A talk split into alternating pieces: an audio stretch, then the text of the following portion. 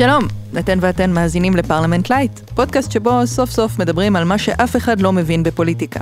אני דנה פרנק, ובכל פרק אני מארחת כאן מישהו שמשהו לא יושב לו טוב. איזה מושג פוליטי ששגור מאוד בשפה, אבל איכשהו אף אחד לא עצר להסביר אותו עד הסוף. יחד איתנו תהיה גם מומחית או מומחה שלא ירפו מאיתנו עד שנסגור את הפינה ונבין הכל הכל. היום נמצאות איתי השחקנית והשחקנית מעיין תורג'מן. נכון, שלום שלום. היי מעיין וגם פרופסור יפעת ביטון, נשיאת מכללת אחווה, משפטנית בכירה ופעילה מובילה לקידום שוויון, תודה רבה שבאת. שלום וברכה, נעים מאוד. מעיין. כן. כששאלתי אותך על מה בא לך לבוא לדבר ולשמוע, אמרת שהמושג שהכי מעסיק אותך הוא פריבילגיה. למה? איפה זה פוגש אותך בחיים? קודם כל זה פוגש אותי כל הזמן, כל דקה בחיים. גדלתי בזיכרון, מרוקאית. פריבילגיה. מרוקאית מזיכרון. אנחנו אוקיי? נעשה משחק כזה זה שנספור מורכב, זה פריבילגיה. מורכב. כל הזמן לומר לה, פריבילגיה. כן, נכון, אז זהו, אז, זה מורכב, כאילו, כי אני מרוקאית, ממשפחה מרוקאית. בשכונה של מזרחים, בתוך אה, יישוב לבן מאוד, ובעצם לא התעסקתי בזה במודע כשהייתי קטנה. הדחקתי, אה, הפכתי כלבנה. אה, עשיתי כל מה שצריך בשביל כאילו אה, להיות בטופ, ובעצם לא במודע התעסקתי בזה, ורק אחרי כמה שנים שהייתה איזו התפכחות, שיח וכזה, והיכרות עם אנשים שמדברים את השיח והכל, פתאום הבנתי ששנים התרחקתי מהזהות המזרחית שלי כדי להצליח לשרוד בתוך העולם הלבן הזה שנקרא אה, זיכרון יעקב. אה, והייתי מעולה בזה אגב, הייתי מעולה, כנראה אני בטוחה, שחקנית, לא? זהו, זה אז עובד? כנראה שזה זה גם הפך אותי אה, באמת, כאילו, כאילו שכלל את היכולות שלי, אבל באמת הייתי מעולה, זה כאילו עד גיל מאוד אה, מבוגר היה ככה. יפעת, את גם בעצם העברת את גיל ההתבגרות שלך במין חוויה כזאת של אה, לשחק את המשחק. כן, אבל זאת, זאת הייתה חוויה שלא אפשרה לי לעשות, אה, להזחיק שום דבר, משום שגדלתי בקריית מלאכי ולמדתי בבתי ספר אשכנזיים מובהקים, גם בתוך קריית מלאכי בהתחלה בבית חב"ד, אה, שזאת הייתה קהילה בעיקר אשכנזית מובהקת, ובהמשך בקיבוץ חפץ חיים. אז הייתי נוסעת, בכל יום עושה את המעבר הזה בין העולמות, בין אה, גם הפריבילגי לתוך, כן, שיא הפריבילגיה, אל עולם, ה... עולם אה, קריית מלאכי, ולכן המתח הזה והבהירות הזאת של כמעט שתי גלקסיות במרחק של אה, אה, 20 דקות היום נסיעה, אז לקח לי שעה וחצי לנסוע לכל אה, כיוון, היה מאוד נוכח אה, אצלי. אוקיי, אז דיברנו קצת על המקום שאתם באות ממנו, ובואו נעבור להגדרה מילונית. פריבילגיה, כמו מונחים אחרים שעלו ועוד יעלו כאן בהסכת, היא ביטוי מבלבל. אנחנו זורקים אותה על ימין ועל שמאל, ואנחנו לא תמיד מתכוונים למלוא המשמעות שלה. פריבילגיה התחילה כחוק או מסמך משפטי שמעניק זכויות מיוחדות לפרט או לקבוצה. זה היה באירופה בימי הביניים. נגיד, באמצע המאה ה-13 היהודים קיבלו פריבילגיה לקיים את אורח החיים שלהם ולעסוק בבנקאות. היום המילון מגדיר פריבילגיה כזכות, יתרון או הטבה, שאנשים מסוימים זכאים להם מעצם היותם הם עצמם. בן ממשיך בקיבוץ למשל, זאת פריבילגיה. צאצא לחברי קיבוץ מקבל אפשרות לרכוש אדמות שלא נגישות לאחרות ולאחרים, רק בגלל מי שהוא. מה שמביא אותי להגדרה הפוליטית. מה המשמעות של זכות או יתרון שלא צריך להרוויח, שמוענקים לאנשים מסוימים מעצם היותם חלק מקבוצה חברתית, שאף אחד לא נותן אותם, חוץ מכל המבנה החברתי שבו אנחנו חיים. כדי לנתח את המושג צריך לזכור שהדבר הזה הוא כמעט תמיד שקוף. אנחנו לא רואים על עצמנו את המדרגה הבלתי נראית שעוזרת לנו להגיע למה שאנחנו מגיעים בחיים. ב-1988 הפרופסור פגי מקינטוש כתבה מאמר בשם פריבילגיה לבנה ופריבילגיה גברית, שבו היא תיארה חלק מהפריבילגיות שיש לה כאישה לבנה. למשל, העובדה שהיא לא צריכה לחנך את הילדים שלה להיות מודעים לגזענות מערכתית כדי לשמור על שלמותם הפיזית. מקינטוש תיארה פריבילגיה לבנה כחבילה בלתי נראית של זכויות שלא הורווחו, שלאנשים לבנים באמריקה, או אנשים פריבילגיים ביחס לחברה שבה הם נמצאים, באשר הם נמצאים, אין עניין להכיר בה. הפריבילגיה גורמת להם להרגיש ביטחון, נוחות, וגם להיות בלתי מודעים לסוגיות גזעיות. המושג הזה נכנס יותר ויותר לשיח בשנים האחרונות. לפי Google Trends היה זינוק משוגע בחיפושים אחרי המילה פריבילגיה ברגע שהתחילו ההפגנות של תנועת Black Lives Matter באביב ובקיץ 2020. באקדמיה ובתקשורת משתמשים יותר ויותר בשאלה למי יש פריבילגיה ולמי לא, כדי לנתח תופעות פוליטיות ותרבותיות. כשאנחנו מדברות על, על פריבילגיות, בעצם יש את המושג המשלים שהוא הגמוניה, ואולי רגע נתחיל מלהסביר אותו. הגמוניה זה בעצם המושג הזה אה, נטבע בתוך השיח אה, החברתי הביקורתי, אני לא קוראת לו שמאלני, הוא בעיניי שיח חברתי אה, ביקורתי, בעיקר דרך ההוגה גרמשי, שדיבר על זה שהגמוניה, הכוח שלה הוא שהיא למעשה יכולה להיות נוכחת, להתקיים בתוך מרחבים שהיא שומרת אותם לעצמה, זהו, זה נורא סגור. כחלק מהפריבילגיות שלה, בדיוק.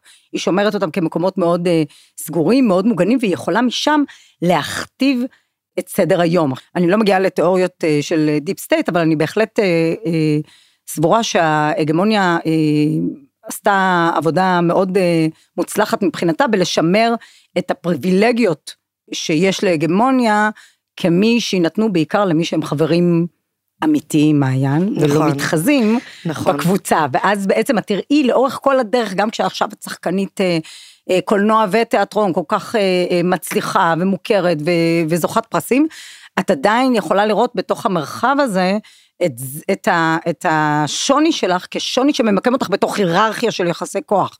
כלומר, גם בתוך המרחב הזה, עדיין יש איזה שהם יחסי כוח שמופעלים עלייך, וגם אני יכולה להגיד את זה בתוך ה... בתוך האקדמיה. למרות שכאילו אני מרגישה... את מרגישה את זה גם, יפעת? במקום שאת נמצאת בו היום? בוודאי, זה... שוב, גם כשאת מגיעה לתוך המרחבים הכי אה, בכירים של ההגמוניה, בדרך כלל מה שיקרה זה שככל שאת תעלי בסולם, את תהפכי להיות יותר ויותר האחת היחידה בתוך החריגה. המרחב הזה, כן, אם אני מסתכלת, למשל, אני האישה המזרחית היחידה שעומדת בראש אה, מוסד אקדמי בישראל. אה, ויש מעט מאוד, מעט מאוד גברים אה, שעומדים אה, גם הם בראשות מוסדות, זה, זה, זה מרחב הגמוני אשכנזי קלאסי עדיין. כן. נכון. אני חושבת שיש משהו מעניין בפריבילגיה שהיא שקופה. זאת אומרת, חלק מהעניין, חלק, כשמדברים נגיד בשיח האמריקאי על פריבילגיה לבנה, מדברים על זה שאתה מקבל איזשהו כוח מעצם שאתה לא זכית, שלא הרווחת אותו, בוא נקרא לזה ככה, ושהנגישות הזאת למוקדי כוח היא שקופה לך. זה לא רק שהוא שקוף, זה הרבה יותר חמור בעיניי. זה, זה הצדקה נמשכת של פריבילגיה כסדר טבעי של דברים. זאת הבעיה. כלומר, אם למשל, סתם אתן דוגמה עכשיו, אה, הגעתי מגל"צ ושידרתי, אני משדר שם כבר הרבה מאוד שנים את המילה האחרונה פעם בשבוע עם מירית לינור, ו... היא דיברה על איזשהו אה, אינסידנט שהיה בבית חולים, והיא אמרה מנהלת בית החולים, תמר, והזכירה את השם שלה, ואמרתי, קודם כל אני רוצה אה, לומר כמה אני שמחה, כמה אני שמחה על זה שיש אה, מנהלת בית חולים אישה, ועירית אמרה, אני לא מבינה מה זה, מה זה בכלל רלוונטי, איפה שיש אנשים טובים, הם מצליחים להגיע לשם, אז יש מנהלת אישה, אפשר לחשוב, וזה בדיוק ההצדקה הזאת של הפריבילגיה הנמשכת, של השקיפות הזאת שאת מדברת עליה, זאת אומרת, למה יש רק אני חושבת אולי שתי נשים מנהלות בתי חולים במדינת ישראל, משום שהן פשוט לא היו מספיק טובות, ברגע שהן יהיו מספיק טובות, הן uh, יגיעו לשם, ואז לא צריך לחגוג את זה, זאת אומרת, גם הניסיון הזה, כל הזמן לא לאפשר לנו לחגוג את הניצחונות הקטנים על, ה, על המבנה הדכאני הזה, שיש גם כלפי נשים, גם כלפי ערבים, מזרחים, כלומר, כל החבורה הזאת, אה, ואם את מעלה את זה, אז את עוד את זאת שמתעסקת בזה וממשיכה להחיות את, ה, את לא. התפיסה הזאת. כל כי... פעם שאומרים לי, אם תהיי מספיק טובה, תצליחי, או תצליח, לא משנה כרגע אישה או גבר. אני אומרת כאילו, קודם כל זה מבטל את השיח אוטומטית, ואומר, ועושה אותך קטנונית. ודבר שני, אני כאילו אומרת, אני מרגישה ש... זאת אומרת שזה, בגלל שאנחנו בעולם קפיטליסטי, כל הזמן מק, מקדשים את האני, ששוכחים שיש חברה. שאת שיש, חלק מקבוצה, שאת חלק, חלק מהיסטוריה של חברתית, תרבותית, מתענים, נכון. בדיוק, ואז כאילו אני אומרת, איך... איך אפשר כאילו להתעלם מזה שאני גדלתי מזרחית, בזיכרון, בזה, איך אפשר להתעלם מזה שאני אישה שלא מצליחה ללכת לבד בשתיים בלילה ברחוב שאני גרה בו, איך אפשר? כאילו... איך אפשר להבין, כן, להבין את הפריבילגיה הזאת של מה זה אומר. ה basic הזה, תראי, בואי, אני חושבת שזאת נקודה מעניינת. אני אעשה רגע הבחנות אה, קצת אה, אקדמיות ברשותכן. כן. אה, ההבחנה האחת היא באמת, כמו שאמרתי, בין זה שהפריבילגיה היא שקופה לזה שיש הצדקה של הפריבילגיה. במובן הזה הפעולה הזאת היא לא שקופה, היא כל הזמן נוכחת. הדבר השני הוא שבאמת יש דברים שלא נתפסים אכן כ- כפריבילגיה עד שרואים אותם, ואז פתאום יש איזו הערה כזאת, אבל היא לא מצליחה להיתפס במובן הרחב. למשל, מה שאמרה פה מעיין, ללכת... אה, ברחוב. בחושך בשתיים בלילה. אני עשיתי מחקר אקדמי על זה, על תחושת הפחד שמלווה נשים למול גברים. בהליכה אה, במקומות חשוכים. עכשיו, זה דברים שיש להם מחירים אדירים. קודם כל, המחיר המרכזי הוא מחיר ההימנעות, נכון? אני אמנע מללכת אה, בחושך. אני, אם יש אה, מסיבה ו, ואין לי איך להגיע לשם ואני צריכה ללכת בחושך, אני פשוט לא אעשה את זה. גם תלות. והתלות בזה שיהיה מי שילווה אותי. וזה, בדיוק. ואז כש... כשעשיתי את המחקר הזה, אז נתתי לגברים ולנשים לענות על השאלון הזה. נשים מיד הבינו על מה המחקר, וגברים אה, היו בטוחים שהמחקר הזה הוא על אה, בעיות באספקת החשמל במדינת ישראל. מעניין. אה, אה, תכנון ערים אה, ותאורה מפני נפילות, לא יודעת, כאילו זה היה פשוט מדהים לראות את הדבר הזה. ברגע שנשים סיפרו להם, עכשיו נשים חיות עם גברים, איך אתם לא רואים את הדבר הזה? אז אני חושבת שאם אנחנו חוזרות רגע להקשר הדתי, תחשבי שאם בין גברים ונשים, אם, גברים, אם בין גברים לנשים, גברים לא יכולים לראות את זה, ואנחנו חיים ביחד כל הזמן, תארו לכם, בהינתן שיש מג... סגרגציה מרחבית מאוד מובהקת בחברה הישראלית, מעיין היא לא דוגמה טובה במובן הזה, ברור שיש גם מזרחים שגדלים בתוך מרחבים אשכנזיים, אבל אם תסתכלת על אה, עיירות הפיתוח, אה, אה, ועכשיו גם בתוך הצבא, יחידות שלמות, לא חיים ביחד ולכן לא רואים את הקשיים האלה, לא נחשפים אליהם, ואז זה אומר שאת גם לא נחשפת לקושי, וזה עוד יותר מחזק אצלך, כמי שבאה מההגמוניה, את האי רלוונטיות של לדבר איתך על פריבילגיות, כי את בכלל לא מבינה לא חשופה שיש, לה, שיש לך את זה. וגם לצד השני אגב, גם לצד ה... במרכאות הקורבני, אולי אפילו לא במרכאות, ש, זאת אומרת להיות, ב, ב, ל, לגדול בעיירת פיתוח בזה, גם הם לא יכולים לראות את הצד, בגלל זה אני דוגמה לא טובה. וגם אני, כי אני עשיתי את היציאה והכניסה הזאת כל הזמן. ואז זה כאילו, אין מה לעשות, זה, זה פותח איזה מודעות של רק שנייה, אז אולי בגלל זה אני סובל? אולי בגלל זה אני ככה, אולי... שזה, שזה גם עלול להיות כאילו מאוד הרסני באיזשהו נכון, שלב, זאת אומרת, נכון. זה גם אחת הסכנות בעיניי, בכלל בתוך החברה הישראלית זה מאוד בולט, של ניצול ציני של אה, יחסי הכוח החברתיים הדתיים האלה, לצרכים אה, פוליטיים, אישיים וכיוצא באלה, רק לא לצרכים של הקבוצה שבאמת צריכה, שיילחמו בשבילה. כן, זה מאוד מאוד בולט במשחק הפוליטי שלנו. רציתי אבל לאתגר אתכם שנייה לפני שאנחנו גולשות לסיפור הפוליטי, לעשות איזו רשימה בינינו של התנהגויות ואמירות שהן פריבילגיות. כמו הסיפור הזה של uh, מי שטובה תהיה רופאה. כן. כמו הסיפור של ללכת לבד בשתיים בלילה. אני יכולה בשמחה. בבקשה, תני בראש. אה, לצבוע את הציפורניים שלך אה, בלק אדום. אה, לעשות אה, אה, פנים ולדבר על זה ולא סתם להופיע עם שיער חלק בכל מקום. כן. להיות, אני יכולה להגיד, להיות אישה צעירה יותר במרחב של אנשים מבוגרים יותר, וללבוש ג'ינס צמוד, זאת אומרת, זה יכול להיות בכל כך הרבה הקשרים, זה יכול להיות בדברים כל כך יומיומיים, בכוונה אני בוחרת את ה... את הכי basic הזה, שאני מסתכלת על עצמי פה עם ג'ינס ועם...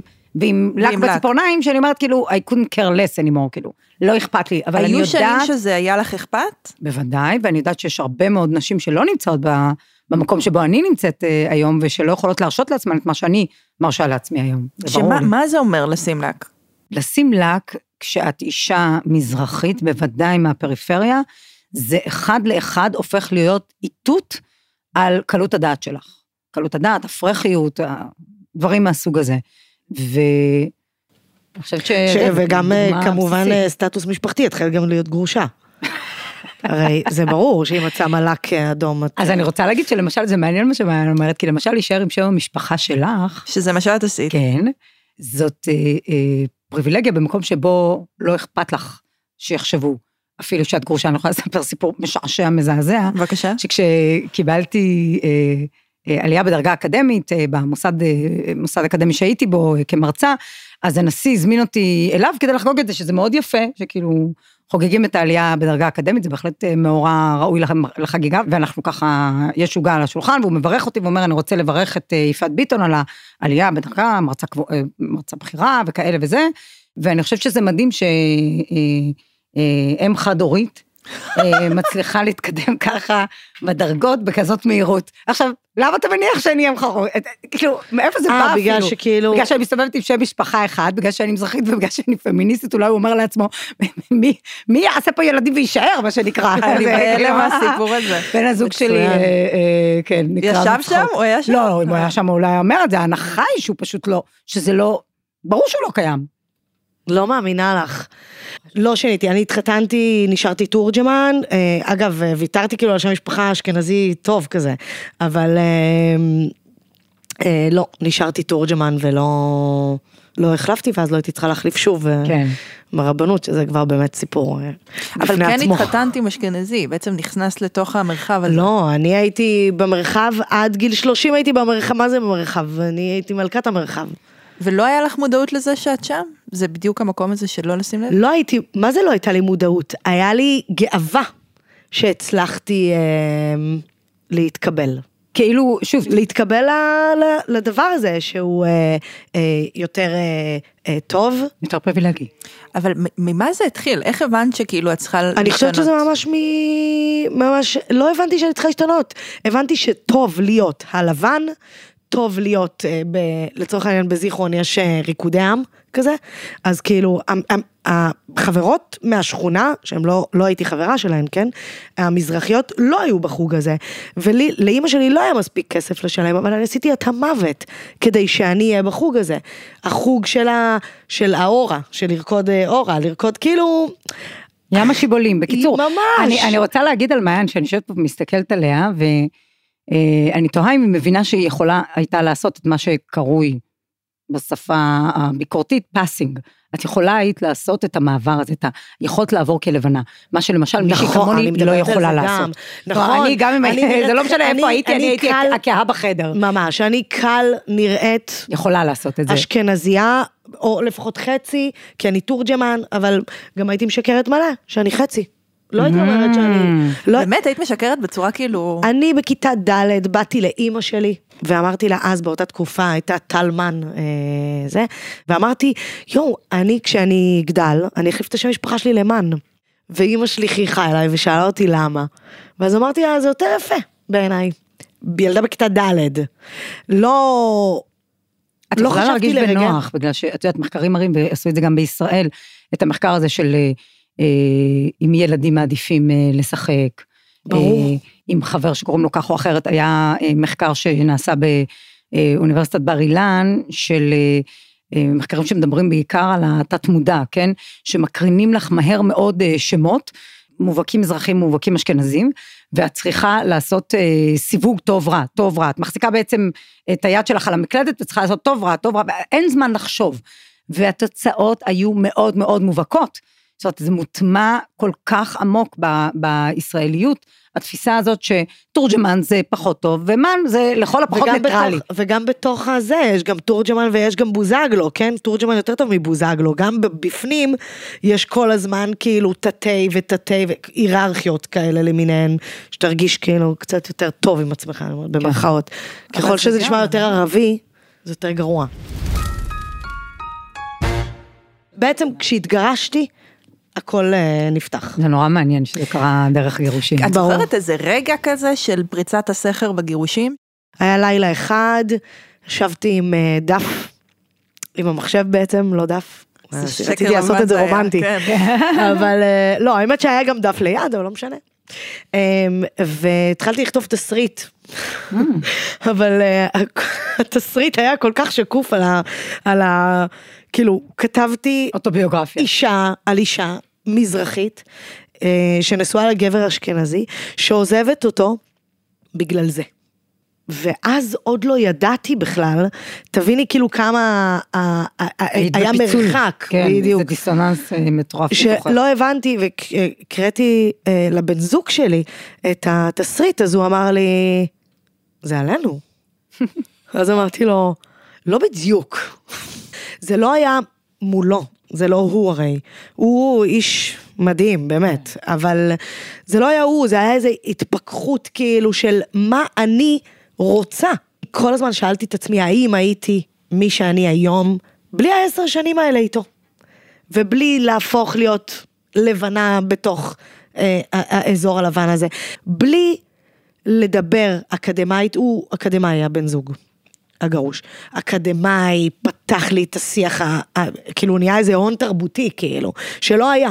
ואז אני שואלת, כאילו, האם זה באמת יכול, יכל לקרות? האם בדרך הזאת, האם הייתי מגיעה ככה? זה כאילו שאלה שכל הזמן... מהמקום uh... שלך.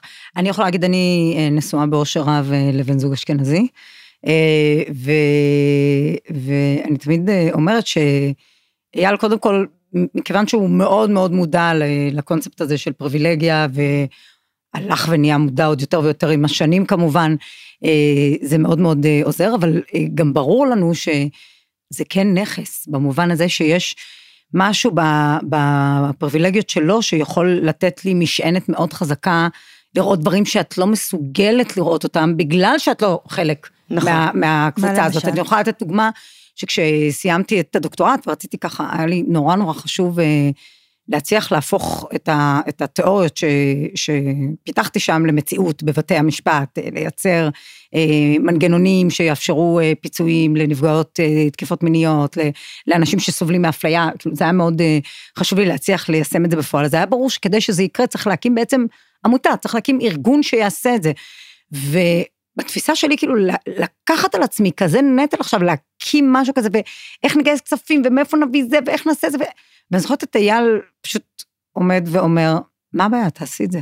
נכון זה הדבר. שום בעיה כולם עושים את זה בטח גם כאילו אין שום סיבה עלי אדמות אני רואה רק אצלך רק עוצמות ויכולות שיכולות אה, לקחת אה, מפעל כזה קדימה לכמה שרק נדרש, אה, יכול להיות שצריך לגייס כספים, צריך לעשות את זה ככה, אנחנו נעשה את זה ככה, נבנה עמותה, אל תדאגי, אני אה, אביא את החברים שלי שיהיו אולי שותפים, אולי כאלה שיכולים לסייע. זה כאילו איזה בסיס של ביטחון. נכון, ובס... שאם אתה נולד אשכנזי, גבר לבן, אשכנזי, מ... אה, אה, מגוש דן, אוקיי? עם הורים, שברור שיהיה לך דירה ושאתה מסודר, וזה גם כלכלי וגם תרבותי וגם, והשכלה וזה. האפשרויות הן אדירות. אדירות. אדירות. נכון, והיכולת גם לממש אותן. ואתה רואה את זה דורי. אתה רואה שזה דורי, אני רואה כאילו. את זה, יש לך ילדים? לא. מותר לשאול. אז אני יכולה לספר פה על החוויה שלי כמי שהייתה ילדה שגדלה בקריית מלאכי ומגדלת ילדים בהרצליה. וזה פשוט כאילו זה, זה, זה לדוב לוי, כאילו את פשוט רואה את שני מסלולי החיים שנמשכים, ואני יודעת שהם נמשכים במקום שממנו באתי בהרבה מובנים, אה, זה עדיין, הרוב המכריע של הפריבילגיות של הילדים שלי זה אתגרי הקיום של ילדים, אה, של בנות הדודות שלי ש, שגרות עדיין בקריית מלאכי. אני מסתכלת על זה שהבן שלי לא הלך חצי מהתיכון אה, לבית הספר, אבל אף אחד לא בא... לרדוף אחריו ולשאול מה קורה איתו, כי זה היה ברור שהוא בא מבית טוב, אז כנראה שהוא לא. עושה משהו טוב. ובאמת, קונקרטית, הוא באמת ילד טוב, הוא, הוא, הוא פשוט עשה תואר תוך כדי, אז הוא, זה, זה, זה התיכון פחות עניין אותו, והמורים פרגנו לו, ואני אומרת, א', אם הוא היה בקריית מלאכי, הסיכוי ש, שמישהו היה בא לבית ספר ואומר, יש מסלולים של ללמוד תואר, אפס. היכולת שלו, גם אם הוא היה רוצה להתחיל וליישם את זה, הייתה מאוד מאוד נמוכה. יש לו אימא אקדמאית בבית שמיד אה, ראיתי שזאת, אה, זה, זה יכול להיות הזדמנות נהדרת עבורו, ו, וידעתי לפרש את, ה, את החוסר רצון שלו ללכת לבית ספר כחוסר עניין, בגלל שהוא כל כך באמת מוכשר ומתאים להתקדם הלאה. כל הדברים האלה, אלה דברים שהרבה הרבה יותר קשה, לא, המקרה הזה זה לא יותר קשה, זה בלתי אפשרי. ממש, אני אומרת כאילו זה בכלל, אתה נורא קשה להסביר את זה, נורא קשה לך להסביר נכון, למי שלא, למי שלא, מי שלא גדל ככה, כאילו את אומרת, את אומרת, זה פשוט איזה בסיס שאין לך, או יש לך, מאוד. כאילו מין איזה בסיס, איזה ביטחון שאתה יכול לנסות, לטעות, לזה, כש... שאתה יכול לטעות, זה דבר זה בכלל, אדיר. למי... או שאתה למסלול הצלחה בנוי לתלפיות, נכון. ואת יודעת נכון. שאם תתחילי את תסיימי, או, ורק אז את יוצאת לדרך, או ש... ו- ומאוד קשה להיות במקום הזה, כאילו, ושם היו אנשים מאוד נחושים, מאוד מוכשרים, מאוד, כאילו, שאני שם את עצמי שם, אה, אה, אה, זה נכון, כשאומרים לי, הנה עובדה שאתה צריך ללמוד, אלוהים, לא ייתכן שכולם יצטרכו להיות עם רמת הנחישות שלי, רמת נכון. הביטחון העצמי, זה, זה לא נורמלי, למה צריך להיות עם הבחירות הטובות שעשית כדי לעשות, כן, כדי להגיע למסלול הזה, לקצה שלו. אני רואה אנשים, הייתי מגיעה, את יודעת, אני מגיל תשע חלמתי להיות עורכת דין, הגעתי לפקולטה המשפטים בירושלים, האנשים, הבן זוג שלי, למה אתה פה? לא, אמא שלי הלכה לרשום אותי לרפואה, ואז זה, זה לא הסתדר, אז אני פה. כאילו, אלוהים, אני חולמת על זה. כל שיבת החיים. ציון כל חיי, והוא כאילו פשוט הגיע לזה. כאילו, זה מדהים זה לראות את זה. מטורף. קודם כל היו סביבי מלא אנשים, בינוניים, רגילים, חמודים, כאילו, סבבה. מובן לי לגמרי למה הם בפקולטה למשפטים. אבל זה היה מאוד ברור שכדי, המעטים שהיינו המזרחים שם, היינו צריכים להיות סופרסטארים כדי להצליח לשבת בעצם באותו, על אותו ספסל לימודים. על אותו, זה קורה עם על נשים, אותו אגב. ספסל אה, לימודים של אה, אימא רשמה, ולא יודע בכלל אם אני רוצה להיות פה. כן, ואת כאילו בסוף הכי... עבר לו, הוא רוצה. ברור. אפשר להיות לידך ולא כמובן לרצות. שזה בדיוק, זה רק בשביל זה. ברור. כמובן. אני חייבת לשאול רגע שאלה שהיא נורא נורא נורא מעניינת אותי בדבר הזה. יגידו לך אנשים ואומרים ללא הרף, אשמתי שנולדתי לבן ובמרכז הארץ ולסבתא שלי הייתה דירה בתל אביב, כאילו זה לא, ככה נולדתי, מה אני יכול לעשות? אני אגיד לך מה האשמה והאחריות בעיניי. כן. בזה שאתה לא מסוגל להבין שהדבר הזה נתן לך פריבילגיה, זה כל מה שאני רוצה. זהו. לא רוצה רוצה שתוותר? לא רוצה שתחלק עכשיו את הדירה ממש. שלך ל- לשכניך המזרחים, אה, לא יודעת מה, ת- ת- תוציא אה, מכרז בעיירת פיתוח על הדירה הזאת, הכל טוב, הכל מעולה. אל תגיד לי, התחלתי מאפס אצבעות, כאילו התחלנו מאפס בעשר אצבעות, מזה שמה היה לנו, התחתנו, נכנסנו לדירה של סבתא שלי בזה וזה וזהו. כאילו, אני מתה מהדברים האלה, ואני שומעת את זה כל הזמן אני מתה סביבי. מהדברים האלה, כי אתה אומר, בעצם אני ואת שווים. זה בדיוק, מה שהוא אומר לי. כל הזמן. ואיך אתה יכול להגיד לי דבר, דבר כזה? איך אתה יכול להגיד לי שכשאתה הגעת לארץ, שמו אותך בהרצליה, ושאת סבא וסבתא שלי מהצד השני שמו במושב ליד, אה, ליד קריית גת, ואתה אומר לי שהם שווים. איך הם שווים? איך הם שווים? את שניכם, נת, נת, נתתם לשניהם אדמות באותו מקום, והזדמנות ללמוד באותו מקום? עזבי, את מה זה נחמדה, מעיין, סליחה שאני יוצאת לא, אותך. יאללה. לא, כי, כי זה עוד יכולים, תראי, נניח על הסיפור הזה של למה שמו את הסבים והסבתות שלנו, זה עוד ניחא. מה שמטריף אותי זה שאחרי שהדבר הזה כבר קרה, אוקיי, שמו אותם פה ושמו את אלה שם. למה החוסר יכולת להכיר ול, ולקבל את זה שהשיבוצים האלה יש להם השפעות עד היום, אם אני מדברת על גבעת עמל, בואו נדבר נכון, על גבעת עמל. זה מה שאני על מה אנחנו מדברת. מדברות? כי אל, אל, כאילו, אני לא רוצה שניגרר שתינו במרכאות, אל לא. העוול של שנות החמישים, אנחנו יודעות שהוא קיים. אני מדברת, אבל הוא 74 משפיע עד שנים, היום. ברור, אבל מעיין, 74 שנים אחרי, אנחנו מדברות על זה שעכשיו הוציאו אה, השנה את תושבי גבעת עמל האחרונים מהדירות שלהם, כשאנחנו מדברות על פריבילגיה, אלה שהיו בשיכון קצינים לידם, פשוט נתנו, החתימו אותם על, אה, על הנסח של הבעלות שלהם, שילמו שקל וחצי, לירה וחצי, כדי לקבל את הבעלות הזאת. אנשים של גבעת עמל לא עשו את זה למולם, פרסמו את זה בעיתון דבר, כי ידוע שבגבעת עמל כל היום קוראים כולם, עיתון דבר. ברור, גם אני קוראת אה, ובזהו, ובזה מבחינתם יצאו ידי אה, חובה, ומי שאין לו עכשיו דירה, שאין לו להלין אלא על עצמו. זה מדהים. באמת, כאילו, מלא פעמים כשאני מדברת את השיח, אז אה, אה, יכול לבוא מישהו או מישהי ותגיד לי, אני אשכנזייה, ואני רוצה להצטרף לשיח, אבל אני מרגישה שאין לי מקום. זאת אומרת ש, שאני רוצה, אני מסכימה, אני מכירה בזה שאני פריבילגית, ואני רוצה להיות חלק מהשיח הזה. שכשאומרים לי אני רוצה להצטרף לשיח, בואי, אז אני אומרת... תצטרפי. ב- תצטרפי, ברור, את לא יכולה להוביל אותו, לא כי... כי... אבל יש פה איזה מלכוד, כי את אומרת, איך את יכולה להצטרף אם את קיבלת את הבסיס שאני לא קיבלתי? היא יכולה להצטרף מתוך חמלה, מתוך זה שהיא רוצה, היא רוצה, אוקיי? מתוך זה שהיא יכולה לרתום את הפריבילגיות שלה. ל- מתוך זה שהיא יכולה. ליכולת לנהל את המאבק הזה. בדיוק. ומתוך צניעות, שמה שהרבה פעמים מאוד חסר בתוך... הרבה פעמים החוויה שלי היא של כאלה שאומרות, אנחנו רוצות להצטרף, כל הזמן." ואחרי זה בדיוק. תוך שנייה מתחילה ל- להגיד, אבל מה אני עשיתי, ולמה אני רק רוצה לעזור, ואיך מתייחס... זה מאוד... אה, פוליטיקה רגע, בוא נדבר על פוליטיקה. השיח של פריבילגיות בארץ מאוד מאוד מתודק, דיברנו מקודם על דוקטור אבישי בן חיים, הוא מאוד מאוד נוכח גם בשיח של ימין ושמאל. הפך. להיות נוכח לאחרונה. הפך להיות נוכח לאחרונה. נכון. חשוב לומר את זה. מתי זה התחיל? אני חושבת שאנחנו מדברות אה, סביב ההתערערות של אה, שלטונו הבלעדי כמעט של, השל, של הליכוד. כן. נכון, שפתאום עלה צורך זה להסביר נכון, בערך שיש לפני שנתיים, משהו כזה. אה, אבישי התחיל אה, אה, ככה, אני לא יודעת, יכול להיות שהוא התעסק בזה גם קצת קודם, אבל זה הפך להיות ממש ברמה של לפמפם את זה כל הזמן, לדבר על זה, כמעט כל ההוויה העיתונאית שלו היא סביב התיאוריה הזאת, אה, הוא כתב ספר עכשיו שהוא פרסם שמה? על זה, שבעצם אומר שבחברה הישראלית ההגמוניה היא מה שהוא קורא לה ישראל הראשונה, בידיהם כל הפריבילגיות והכוח, ואילו ישראל השנייה היא מי שלמעשה נמצאת בעמדת נחיתות מובהקת למולם, ועד כה זה בסדר, עובד נכון ומדויק, אבל אז הוא עושה איזשהו מהלך מאוד, בעיניי מאוד מתוחכם, למרות שאני מאוד מתנגדת לו, חיבור מובהק וחד חד ערכי בין ישראל השנייה ובנימין נתניהו. ואז עכשיו, מכאן ואילך, כל הירידה של אה, בנימין, בנימין נתניהו, יכול להיות שרק זמנית, אבל ירידה שלו מהזירה הציבורית כראש ממשלה, היא למעשה מאבק של ישראל הראשונה בישראל השנייה.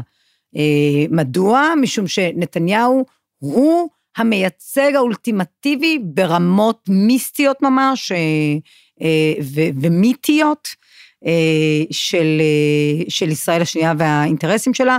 ישראל השנייה רואה בו והכתירה אותו כמנהיג הבלתי מעורער שלה, ולכן מרגע ש, שהוא הפך להיות הנציג הבלתי מעורער שלה, של ישראל השנייה, התחילה ישראל הראשונה במתקפה אה, אה, חסרת תקדים אה, ומתוחכמת, מה שהוא קורא לו אלימות לגלית, כנגד ראש ממשלה מכהן, כדי לגרום לירידתו מהשלטון, וזה בעצם עוד פרק מאוד קשה ומאוד אבל שיטתי ביחסים המדממים, יחסי הכוח האלה בין ישראל הראשונה והשנייה, כשהפעם הראשונה שישראל השנייה, השנייה בעצם צריכה לצבור לעצמה איזשהו אה, כוח, הפעם הראשונה הייתה ב-77 במהפך אה, של הליכוד, של אה, עלייתו של בגין כראש הממשלה ועלייתו של הליכוד לשלטון, ובעצם מאז גיב אורטק היא הייתה בעמדה מאוד טובה, ישראל השנייה של שליטה בפוליטיקה, אף כי היא לא הצליחה לגעת לטענתו. במוקדי הכוח. במוקדי הכוח, שזה המשפט והאקדמיה והעיתונות. אה, זהו, זו, זו התיאוריה שלו בגדול. תענוג, מה שנקרא. תהני. גם צריך להזכיר בהקשר הזה, אפרופו אה, כל השיח שלנו, שאנחנו מדברים פה על מלך הפריבילגיות. זאת אומרת, בנימין נתניהו בלוטו, בבינגו של הפריבילגיות הישראליות, זה כל כך צועק את זה, שזה... מסתובב עם לוח. זה, זה כל כך כאילו, זה מביך אותי בכלל אה, ש... לדבר על זה, זה... את לא יכולה להיות נבוכה מזה, אני אומר לך למה. בבקשה. משום שהתיאוריה של אבישי תפסה חלקים גדולים מאוד. בימין, כן. בימין בעיקר, והיא תפסה, וכמובן גם יש לה הדהוד מאוד משמעותי מצד גורמים בימין שהם אה, אה, גורמים יותר באמת ביביסטים בזהות שלהם, אה, שהם אשכנזים. ולכן אי אפשר לזלזל ב... אי אפשר להגיד שזה מגוחך, אפשר, הוא עלה על משהו. והדבר הזה בעיניי, מה שהוא עשה... על מה הוא עלה? אני אגיד לך באמת... מה האמירה שהוא אומר, ואני חושבת, חושבת שגם בזה הוא צודק. כשהוא אומר שנתניהו, בהרבה מובנים סמל להחזרת אה, הכבוד, או, או איזושהי תחושת כוח אה, למזרחים בישראל, יש בזה משהו. יש בזה משהו. ואז הוא אומר, הוא אומר, זה לא משנה לי שהוא מלך הפריבילגיות, זה כמו שטראמפ נתפס בעיקר, מצביעים העיקריים שלו היו, הייתה שתי קבוצות מובחנות, קבוצה אחת של הגברים הרפובליקנים, בעלי הכוח וה, והכסף הקפיטליסטים מהגיהנום האלה, ו... אה, אה, חגורת הברזל שם, חגורת החלודה, יותר נכון, של אמריקה, מדינות שבהן, שמאופיינות בעוני, בחוסר השכלה, כלומר, היו לו שני קהלים מאוד מובהקים, אלה שהזדהו איתו ממקום של הוא, כמותנו ידאג לאינטרס שלנו, המנכ"ל של מי פילו וכאלה, ומהצד השני, אלה שהוא כל הזמן פמפם להם, זה לא משנה מי אני, כמה אני מוצלח ופריבילגי והכל, עם אימא של הפריבילגי. אני דואג לכם. אני דואג לכם, כי אני יודע מה הם עשו לכם. עכשיו, הרבה פעמים זה מתודלק מזה שהדמות הזאת, כמו נתניהו, כמו טראמפ, ממש שנואה בהרבה מובנים, אפשר לומר, על, על חוגי, בדיוק, על האליטה של, של ה... ישראל הראשונה פה ואמריקה הראשונה שם. אז, אז זה כן אתה נכון. אתה מרגיש שזה ניצול, איזה שימוש, אתה אומר, כאילו, את אומרת... אני לא יודעת. אם זה רק ניצול, אני, אני אולי אפתיע אותך, אני לא בטוחה שזה רק לא, ניצול. שזה, זאת אומרת שזה ניצול לא, אבל בשביל המצביע. את מרגישה את זה. אני לא בטוחה. את לא בטוחה. אני לא בטוחה. אני חושבת את חושבת שהוא מזדהה עם זה. אני חושבת לא, ש... לא, אני בטוחה שגם, ש... אני בטוחה שזה לא רק ניצול. זה לא רק אבל ניצול. אבל יש שם ניצול שזועק החוצה. ש... ש... ש... ששוב, ואז אני מרגישה ואני אומרת, אוקיי, למה אני יודעת יותר טוב מהם? למה אני יודעת יותר טוב מהם מה טוב להם? זאת גם שאלה שאני שואלת את עצמי. אבל, זה עדיין מה האלטרנטיבה? מה- תמיד אני- השאלה היא מה האלטרנטיבה. מה האלטרנטיבה? מה האלטרנטיבה בשביל האנשים האלה? השאלה הזאת אה, לא סתם אה, עולה ל- לשולחן הדיונים, היא עולה לשולחן הדיונים בגלל שאין תשובה וזה מה שמפחיד. ומה שמפחיד, מה שמשאיר אותם איפה שהם נמצאים. כי מה שמפחיד תמיד ישאיר אותם שם. תראי, מה ששם אותם? איפה שהם נמצאים, זה לא הליכוד וחוסר הליכוד. הטיפול שלו לא. בבעיות האלה, וזה חלק מהעניין. זה גם חלק מהעניין. אה, זה אה, גם חלק הליכוד מהעניין. יכול היה לעשות עשרות מונים יותר. אה, בשביל ב-12 האוכלוסייה המזרחית, האחרונות, ברור. בוודאי ב-12 שנים האחרונות, אבל, בוודאי, אבל גם נכון. ב-40 שנות שלטונו, יכול היה לעשות הרבה יותר, ולא עשה מספיק בכלל.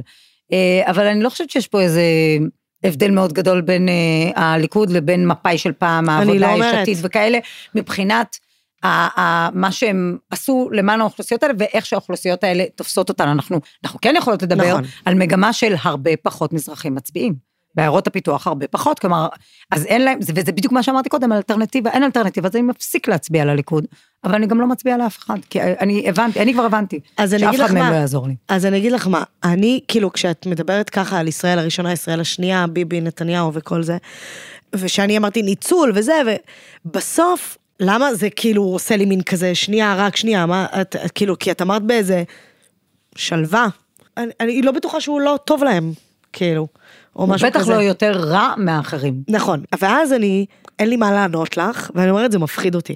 זה פשוט מפחיד אותי, המצב הזה. אבל זה לא בגלל נתניהו בעיניי מפחיד אותי, זה מפחיד אותי במובן ברמת הזה החברה? שאין לנו, כן, אין לנו מנהיגות פוליטית שבאמת רוצה... לייצר אה, אלטרנטיבה. לייצר את האלטרנטיבה הזאת, ו, וגם לא בעתיד הנראה לעין, לצערי, אז זה, זה, זה מעציב אותי. כן. טוב, ובעצב זה, בעצב גדול האמת, אנחנו מתקרבות לסוף השיחה המטורפת שהייתה לנו עכשיו. אבל אני רוצה להגיד על זה משהו רגע. תגידי הכל. שלא יהיה פה, אה, אנחנו אומרות, זה, זה, זה מעציב ברמה הפוליטית, אבל אני מאמינה שיש כוחות אדירים מחוץ למרחב הפוליטי, שיכולים לייצר שינוי בלי להזדקק על הפוליטיקה. והפוליטיקה באמת, יש בה כל כך הרבה אינטרסים, כמו שאת רמזת גם קודם, גם אולי שווה להשאיר אנשים במקום שלהם וכיוצא באלה. כל עוד מי שנמצאים מחוץ למרחב הפוליטי, נמצאים ונמצאות, יכולות לעשות את זה, בין אם זה מעיין באומנות שלה, בין אם זה אני בעולם המשפט או בעולם ההשכלה הגבוהה, אני חושבת שזאת התקווה שלנו, וזאת ברור. האופטימיות שממלאת אותי. אני לגמרי איתך. ממש זה. יש לי שאלה אה, הכי קובי מידן שהייתה לנו. כן, תשאלי אותי. אה, אם אנחנו חוזרות למעיין תורג'מן מכיתה ד' אה, אחת, שתיים? ד' אחת, הייתה אה, כיתה מאוד טובה אגב, כיתה מצוינת. הכי טובה. מה אנחנו אומרות לה? אה, אני אומרת לה, לצערי, שהיא עושה דרך נכונה.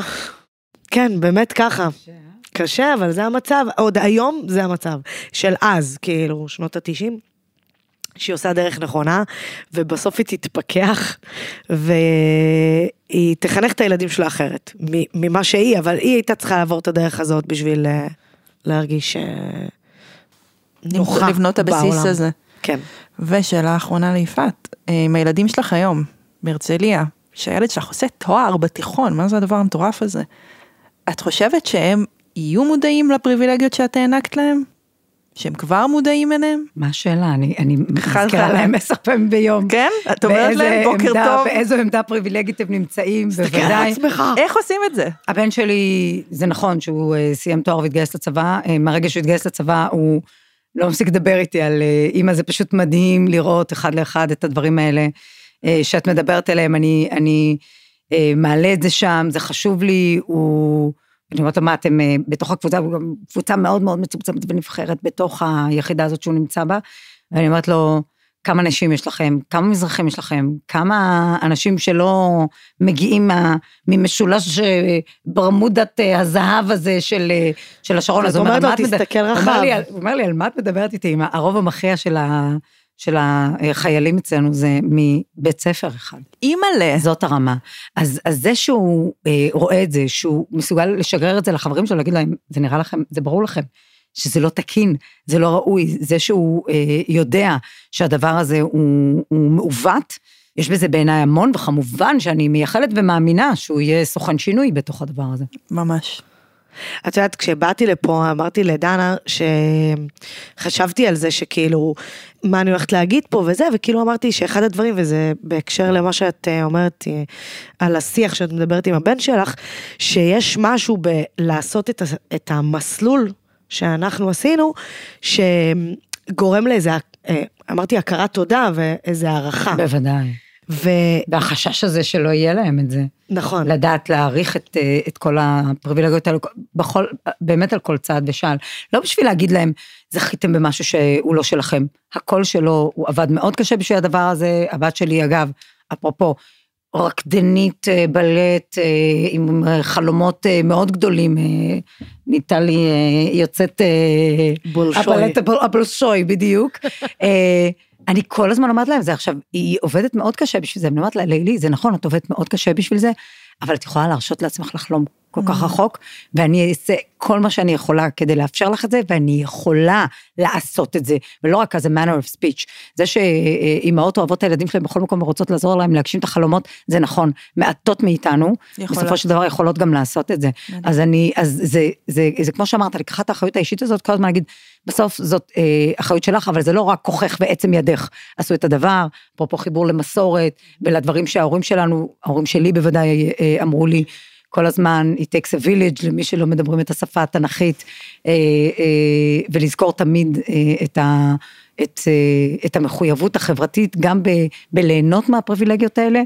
גם לעבוד קשה בשביל לממש אותן, אבל להכיר בזה שהן שם, ולראות איך אני רותמת אותן כדי לקדם אחרות ולאפשר לאחרות לעשות את, ה, את הצעדים הגדולים האלה למימוש עצמי בסופו של דבר. אש, תודה. האזנתן והאזנתם לפרלמנט לייט, פרקים חדשים עולים בכל יום חמישי, בכל אפליקציות ההסכתים. את הפרויקט מפיקה מור אזולאי מג'וס, עורך הסאונד הוא אסף רפפורט, הקלטנו באולפני ג'אפה, עם טכנאי הקלטות אלי גורן. אני דנה פרנק, ונתראה בפרק הבא.